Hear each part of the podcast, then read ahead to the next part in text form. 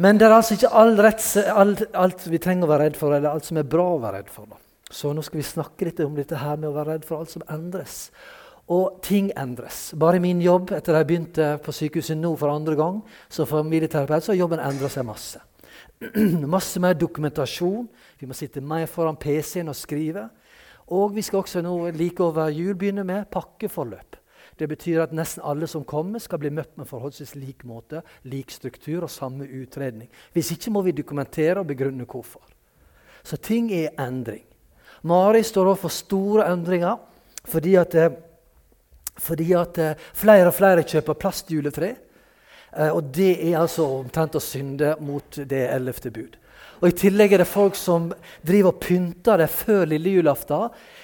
så det er ganske traumatisk for henne. Så mange bruker også blinkende farger lys.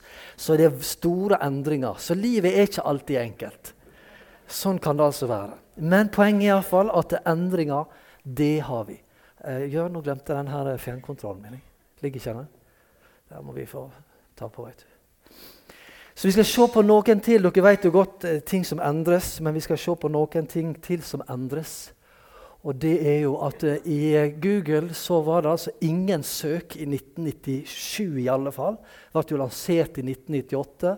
Og er det noen som vet hvor mange søk det er per sekund i dag?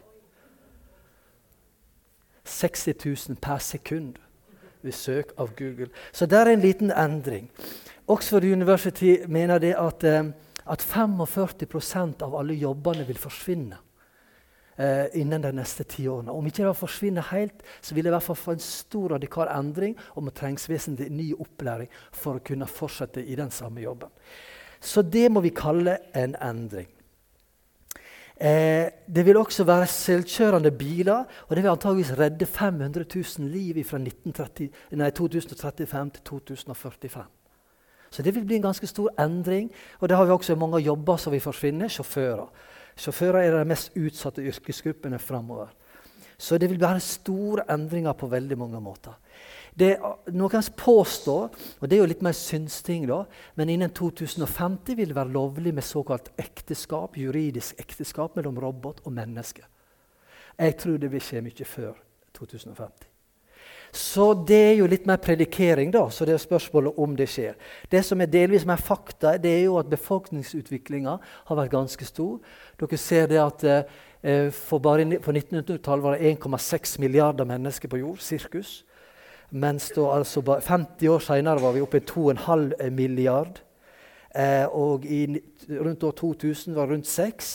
Og nå er vi altså rundt en, nesten 8, begynner å nærme oss 8 milliarder. Så det er en par endringer på gang. Det kan vi i hvert fall være sikre på. Og verdensromturisme tenker vil være ganske normalt i år 2050. I hvert fall i betydning av veldig mange som har vært der. Og det kan jo være spennende. Så, så, poenget er jo at her er masse endringer. Og så har vi mange ting vi ikke har vært inne på. Genteknologien, så vi kan i stor grad begynne å designe våre egne barn. Hvordan vi vil de skal være eh, vil være kjempemulig og er kommet veldig langt allerede. masse som kan. Innen teologi og kirkeliv så har vi sett bare at kirkesamfunn endrer sin teologi bare de siste 20 årene på vesentlig og radikale områder. Så endringer er der. Klima og økologi vil endre. Noen påstår at havoverflata vil stige med 5-6 meter innen historisk sett forholdsvis kort tid. Og så har vi spennende, gode ting. Mange mener at vi har økonomi i dag og teknologi som gjør at vi faktisk kan utrydde fattigdom innen 15 år. Det er en god ting. Og det er fantastisk at levealderen går opp, og også med god helse. altså forholdsvis god helse. Og noen mener også at fornybar energi Vi kan nesten leve bare av det innen 2050. Så her er mange gode eh, muligheter og endringer som ligger foran. Og noen endringer er litt mer større og litt mer endringer eh, voldsomme for oss. Og vi kan bli redd dem. VOCA, hva er det for noe? Ja, Det visste ikke jeg heller før forholdsvis nylig. Men det er et uh, uttrykk som antageligvis uh, ble skapt av uh, militæret. Det militære på 1990-tallet, begynnelsen av 1990-tallet. For Poenget var på at den kalde krigen var slutt. Og Det som var dumt med at den kalde krigen var slutt mellom Russland da, eller Sovjetunionen kan vi si da, og USA, det var jo det at alt var så stabilt ustabilt.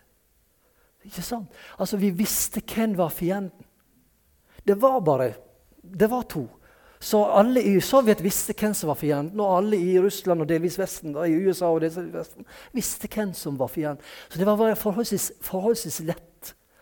Men det som skjedde da når den kalde krigen ble slutt, det var det at alt ble usikkert. Hvem var nå fienden? Og, og 11. september var jo kulmineringa egentlig av det. Hvor fienden plutselig bare kom rett her, til, til, til døra. Rett inn i Pentagon, til og med. Eh, så litt rett inn i hjernen av den enes hjerte. Eh, av beskyttelse og trygghet. Og plutselig så visste en ikke. Og terrorisme kunne være hvor som helst, i hvilket som helst land. En hadde ikke oversikten. Og Da fant jeg opp det, det begrepet her, som handler om volatility, som betyr liksom endring. Det handler om uncertainty, usikkerhet, complexity. At ting er kompleks, altså ikke komplisert. Eh, et fly er veldig komplisert, iallfall syns jeg det. da. Eh, men det er ikke kompleks. For komplisert betyr at det er vanskelig, men, men det har en logisk rekkefølgeting. Det, det er en logisk oppbygning, og alt kan an å forklares. Men med det komplekse går det ikke an å forklare. Abigiti som handler om tvetydighet. Og Ut fra det der så kom det også ord med, med voka. Og så har det spredd seg inn til business, til forretningslivet, til, til, også inn i ledelse. Så klart har det gjort det. Og det, sier du at det forklarer dette er verden i dag. Dette er verden sånn det vil være. Og vi har bare sett så vidt begynnelsen. Så hvis noen syns det har gått fort, så er det ingenting mot det det antageligvis skal skje framover.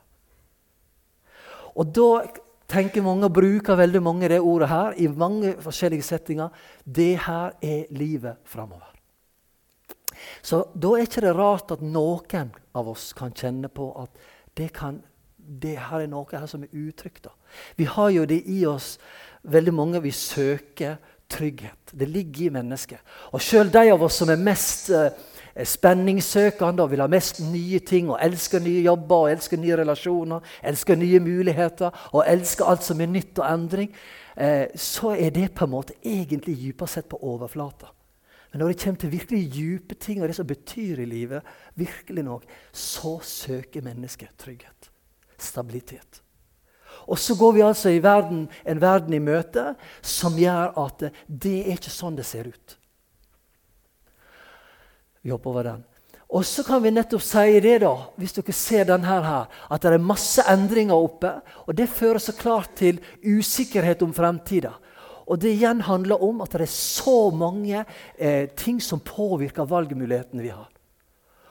Og Dermed så blir ting komplekst, og så fins det kanskje ikke så mange rette svar. Og Det tror jeg presten Bondevik fikk oppleve den dagen han måtte ta stilling til